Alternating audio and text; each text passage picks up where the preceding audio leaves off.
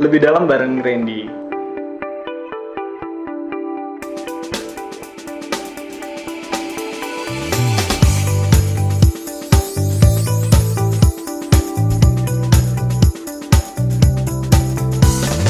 karena bencana iklim itu memang sangat berdampak terhadap perempuan. Nah, e, berdampak dalam hal apa? Tadinya mata air hujannya bisa dipakai masak, bisa dipakai mandi-mandi. Sekarang mata airnya itu sudah hampir tenggelam dan air sungai juga sudah kotor. Terus hak perempuan atas tanah dan lahan itu juga semakin sedikit gitu, semakin dirampas untuk Kalau lansia kan image-nya itu harus diam tuh di rumah. Udah deh di rumah aja nggak usah ngapa-ngapain. Capek. Nah kita uh, pengen membangun image yang tidak seperti itu bahwa lansia itu ternyata berdasarkan hasil riset kami itu yang paling aktif mengatasi perubahan iklim itu adalah perempuan.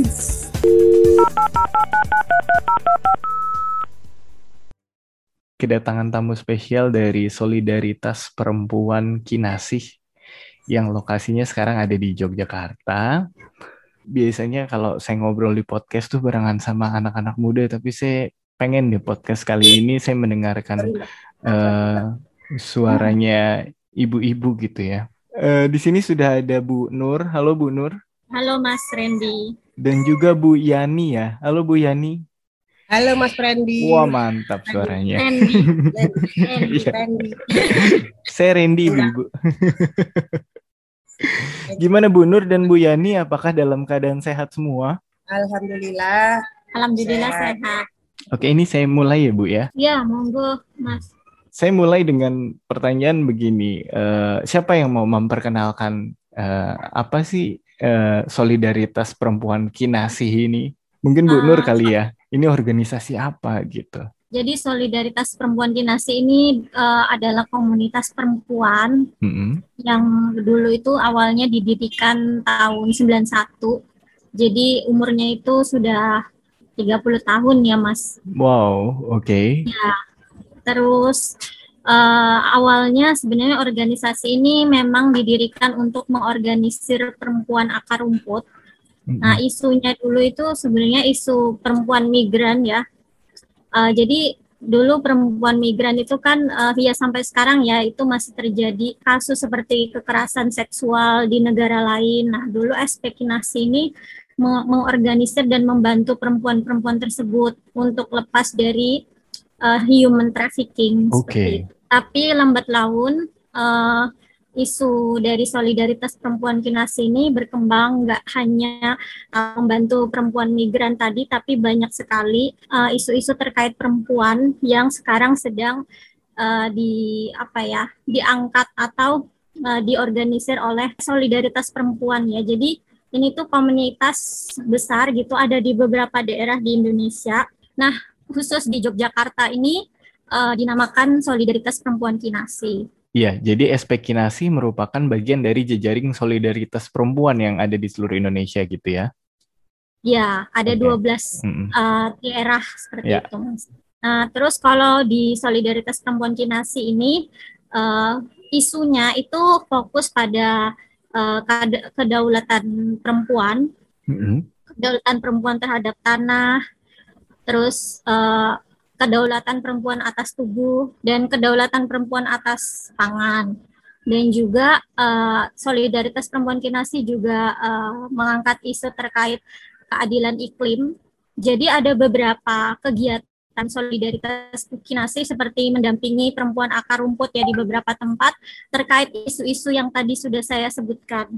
Oke, Eh, sebelum ke Bu Yani, saya pengen nanya nih. Ini ini menjadi menarik karena eh, apa eh, SP Kinasih tadinya bergelut di isu-isu perempuan migran gitu ya. Kemudian eh, semakin memperluas sayapnya ke isu-isu keadilan gender. Dan yang Hmm. paling menarik adalah eh, juga membicarakan eh, soal perubahan iklim, eh, keadilan Iya. iklim gitu ya. Saya lihat kampanye-kampanyenya juga banyak bicara soal keadilan iklim untuk keadilan gender. Nah, sebenarnya apa sih pesan utama dari yang mau dibawakan oleh SP Kinasih tentang kampanye keadilan iklim ini? Kenapa harus climate change? Kenapa harus iklim yang dibawa untuk menciptakan keadilan eh, gender?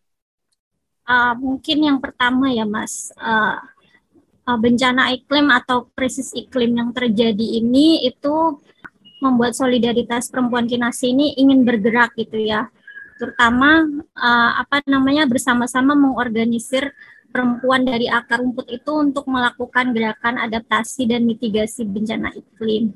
Terus juga sebenarnya perubahan iklim itu juga berdampak terhadap ketahanan pangan atau kedaulatan pangan. Karena ya kita kita tahu uh, ketika krisis iklim terjadi, pasti akan terjadi namanya krisis pangan. Nah, ini yang di yang nah ini itu akan menyebabkan kesenjangan. Pasti yang yang akan banyak merasakan uh, apa dampaknya ini adalah perempuan seperti itu. Nah, uh, berdampak dalam hal apa? Misalnya mungkin ini pengalihan fungsi lahan. Nah, uh, kebetulan uh, solidaritas perempuan ini kan punya isu terkait kedaulatan perempuan atas tanah gitu. Yeah. Nah, uh, pengalihan fungsi lahan menjadi pembangunan infrastruktur itu kan berdang, berdampak terhadap perubahan iklim yang masif gitu ya Mas karena uh, ruang terbuka hijau itu semakin sedikit uh, terus hak perempuan atas tanah dan lahan itu juga semakin sedikit gitu semakin dirampas untuk mengal untuk pengalihan fungsi lahan uh, misalnya untuk membangun hotel atau membangun industri atau misalnya pariwisata seperti itu. Nah, akhirnya ini ber, bukan hanya berdampak terhadap krisis iklim yang terjadi tetapi juga atas lahan-lahan produktif yang dikelola oleh perempuan. Nah, bencana yang bencana iklim yang terjadi ini akan menyebabkan ketimpangan tadi ketimpangan sosial, terus uh, meningkatnya kemiskinan terutama masyarakat kota. Nah, ini yang sangat berdampak adalah perempuan tadi. Ketika tanahnya sudah dirampas, uh, otomatis akan terjadi peningkatan kemiskinan. Nah, akhirnya banyak perempuan yang harusnya mereka punya uh, sawah yang produktif, yang bisa dikelola, bisa menghasilkan pangan secara mandiri, tapi karena uh, apa tadi pengalihan fungsi lahan mereka udah nggak punya lagi nih kemandirian pangan. Nah, banyak juga akhirnya perempuan-perempuan ini yang sudah kehilangan apa kedaulatan atas pangan ini akhirnya mereka berpindah ke kota seperti itu mencari pekerjaan ke kota. Bahkan ada yang menjadi buruh migran seperti itu ya karena tadi mereka tidak punya kedaulatan pangan, tidak punya apa namanya ekonomi yang tadi adanya kesenjangan ekonomi diakibatkan perubahan iklim seperti itu. Oke, dampak bagi perempuan yang paling terasa sehari-hari itu apa sih? Mungkin salah satunya kalau Mbak Yani krisis air ya Mas ya, krisis okay. air bersih. Kita hmm. lihat sekarang ini banyak terjadi eh, bencana ya, bencana banjir. Nah, ada air banyak di mana-mana, tapi sayangnya adanya air itu bukan memberikan kehidupan untuk manusia, tapi hmm. memberikan bencana. Terus apa namanya krisis air bersih di mana-mana air menjadi tercemar kayak gitu. Okay. Nah, yang sangat berdampak adalah yaitu tadi sumber selain sumber pangan yang uh, apa namanya krisis pangan bertambah, yang kedua adalah uh, semakin apa namanya tadi semakin susahnya perempuan itu mengakses air bersih seperti itu. Uh, mungkin karena di sini ada Mbak Mbak Yani ya, Mbak Yani mm -hmm. ini uh, beliau tinggal di Ledoan. Nah, di Ledoan ini adalah salah satu wilayah organisir solidaritas perempuan Kinasi. Jadi solidaritas perempuan Kinasi ini mengorganisir perempuan di wilayah Ledoan untuk membangun namanya climate space. Nah, climate space ini adalah uh, tempat atau khusus di mana uh, para perempuan ini ya, istilahnya kalau kita bilang itu diberdayakan, pemberdayaan perempuan, tapi kita bilangnya pengorganis, pengorgani, mengorganisir perempuan seperti itu untuk dia mulai melakukan apa namanya urban farming seperti menanam uh, apa sayur-sayuran untuk kebutuhan pokok seperti itu. Jadi tujuannya adalah perempuan itu minimal bisa berdaulat atau berdaya atas pangannya seperti itu.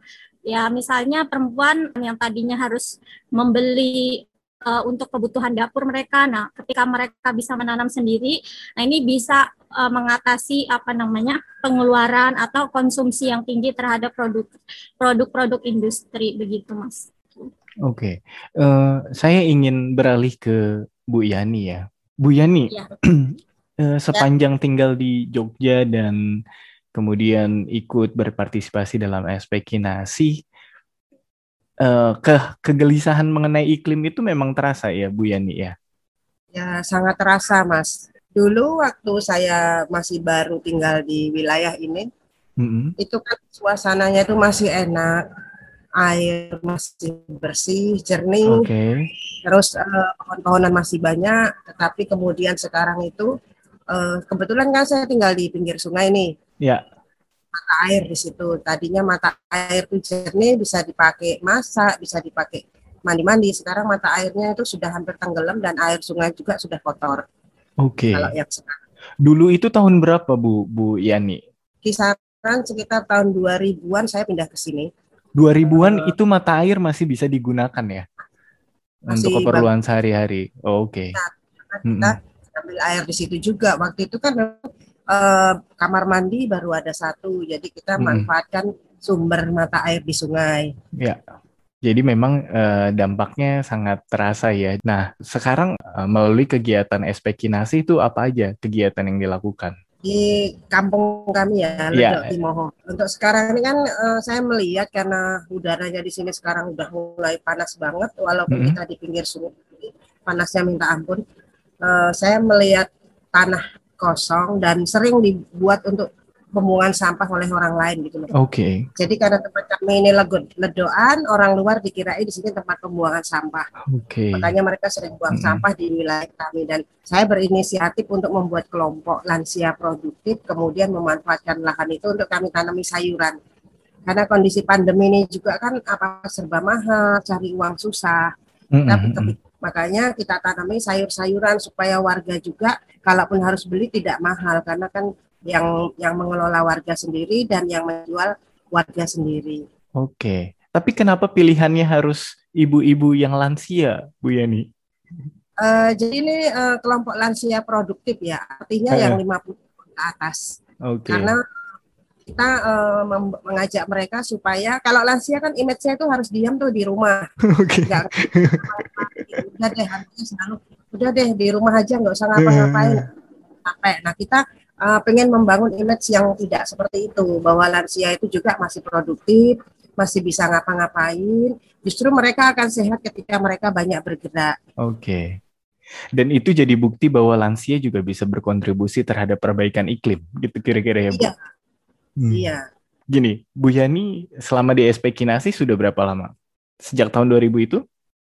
Uh, belum. Jadi sekitar 2015-an kita sudah kenal dengan teman-teman SP Kinasi. Oke, okay, jadi sejak uh, sudah sekitar enam tahun begitu ya uh, berkenalan dengan SP Kinasi.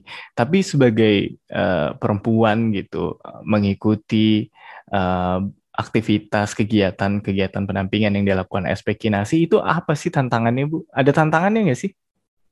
Banyak Mas. Hmm. Ya intinya itu kan karena perempuan-perempuan itu kan uh, susah ya sebetulnya untuk bergerak karena hmm. kadang kan uh, benturan juga di dalam rumah tangga.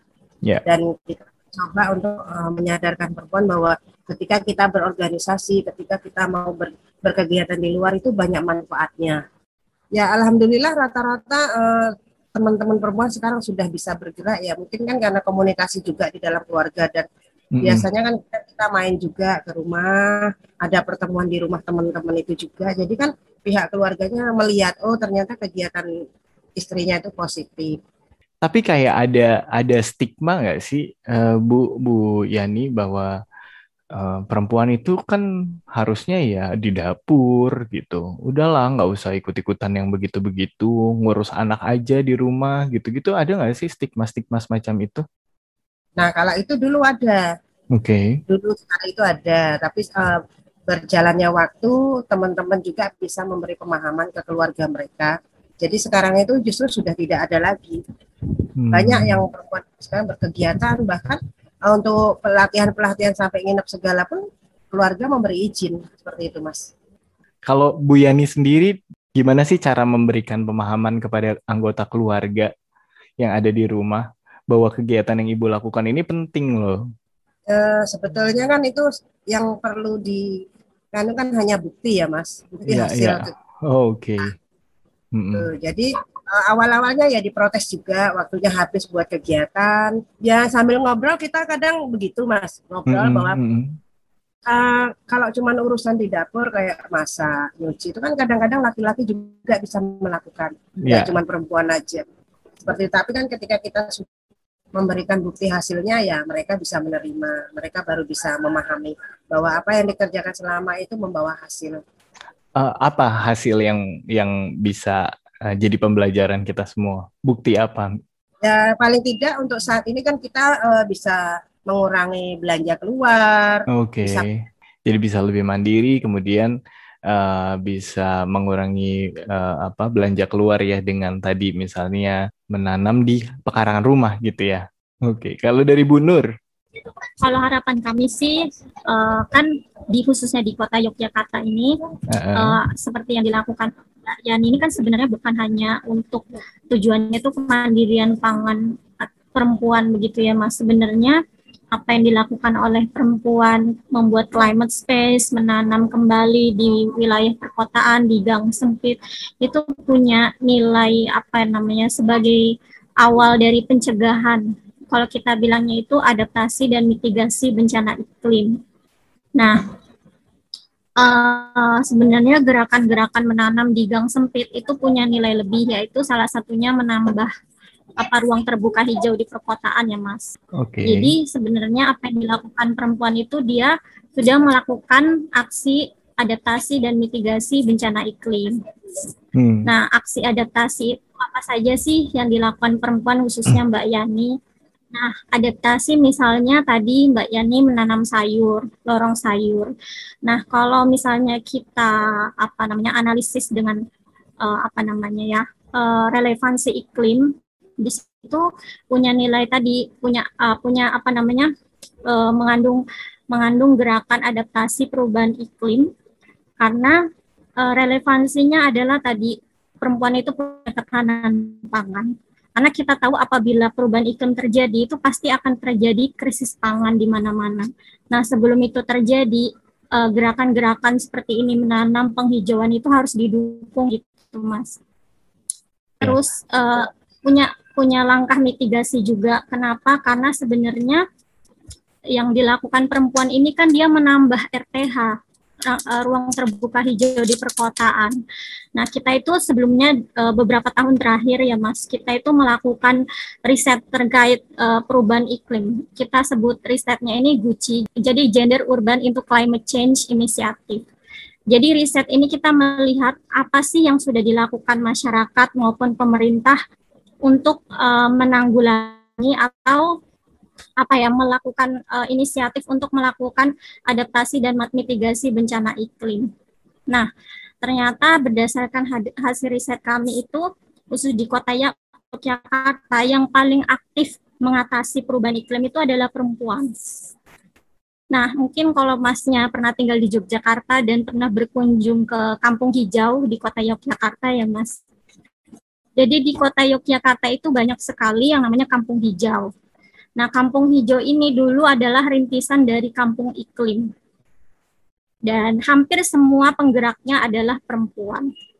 Jadi uh, gerakan yang dilakukan oleh Mbak Yani itu adalah satu dari sekian banyak kampung hijau yang sebenarnya itu sudah dilakukan oleh perempuan seperti itu.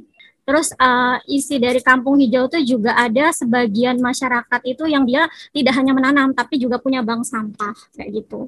Nah, bank sampah ini kan termasuk kategori sebenarnya mitigasi uh, perubahan iklim. Kenapa? Karena apabila sampah ini tidak dikelola dengan baik dengan sistem 3R itu ya Mas ya. Uh, apa ya seperti ditimbun atau dibakar itu kan akan menaikkan GRK. Nah, sudah banyak gerakan-gerakan yang dilakukan oleh perempuan itu di Kota Yogyakarta khususnya mereka membuat membuat bank sampah yang mana pengelolaannya itu ramah lingkungan. Dan itu juga termasuk salah satu kegiatan di Kampung Hijau. Seperti itu. Terus ada juga Kampung Hijau itu mereka membuat spa, sumur peresapan air hujan. Nah, uh, kami bilang spa ini masuk kategori uh, adaptasi perubahan iklim. Kenapa? Karena mereka bisa mengkonversi air kayak gitu loh, Mas. Cadangan air untuk keperluan nanti mungkin apabila terjadi banjir yang susah air bersih atau kemarau panjang. Oke. Oke, nah, Ya, itu, Ya, saya kembali ke Bu Yani lagi. Bu Yani repot nggak sih ikutan kegiatan kayak gini? Enggak mas, justru kalau saya nggak ikut kegiatan rasanya gimana gitu karena harus ikut kegiatan. Oke. Dari zaman sekolah kuliah dulu tuh saya tuh sering ikut kegiatan kayak mapala kayak gitu. Jadi Oke. bermanfaat. Jadi senang aja Mm-mm. kayak kalau ada kesempatan se- pengennya ikut aja berkegiatan. Ya, ya. Justru kalau nggak ada kelihatan rasanya hampa gitu ya, Bu ya. Iya karena sudah terbiasa. Oke, Bu Nur, Bu Nur, ada yang eh, Bu Nur ini kan pengurus eh, SP Kinasih gitu ya. Ada nggak sih dari anggotanya yang mengeluhkan betapa repotnya kegiatan ini misalnya? belum ada yang mengeluhkan. Oke. Kenapa? Karena eh, ya, anggota itu tidak dibebankan semua kegiatan gitu. Mereka bisa memilih mau ikut kegiatan SP itu yang mana kayak gitu. Oke, jadi ada kesempatan untuk memilih ya, yang Iya, didasarkan mungkin pada kesibukannya gitu ya. Oke, terakhir eh, pertanyaan saya terakhir karena minggu depan eh, sepertinya kita akan ada Hari Bumi ya. Eh, Iya. Nah, apa apa kegiatan yang dipersiapkan oleh teman-teman SP Kinasi menyambut Hari Bumi? Untuk menyambut Hari Bumi ini kita punya kegiatan eh, nanti ada Jogja Bike Eh, bersama Jogja Lebih Baik ya Jogja Lebih Baik ini kita akan mengadakan apa ngabu ngabuburit challenge. Jadi ngabuburit ngabuburit challenge ini tuh kita akan menantang hmm, beberapa orang gitu ya eh, untuk bersepeda kayak gitu. Jadi mereka ber- bersepeda bersama eh, apa namanya ya tujuannya adalah mengkampanyekan sih bagaimana kita bisa mengurangi emisi gas rumah kaca dengan eh, mulai berkendara dengan sepeda seperti itu, Mas. Terus juga akan mengadakan beberapa webinar terkait eh, lingkungan, terkait perubahan iklim seperti itu. Oke. Oke, kalau ada yang mau berkenalan dengan SP Kinasih bisa mengontak siapa? Instagram atau website? Oke, bisa nanti eh, eh, menghubungi langs eh, bisa langsung nanti di Instagramnya Solidaritas Perempuan Kinasih. Nah, di situ nanti ada link eh, nomor WA-nya gitu. Langsung ke adminnya Solidaritas Perempuan Kinasih. Oke, kalau gitu eh, terima kasih Bu Nur dan Bu Yani atas eh, diskusinya.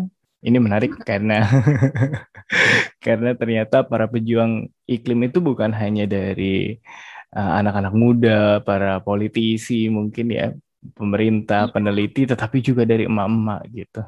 Justru lebih bagus dari akar rumput, Mas, dari Ya. bawah. Betul. Oke, kalau gitu terima kasih banyak sekali lagi Bu Nur dan Bu Yani. Eh, sampai jumpa lagi dan sehat selalu. Amin. Ya, Dadah.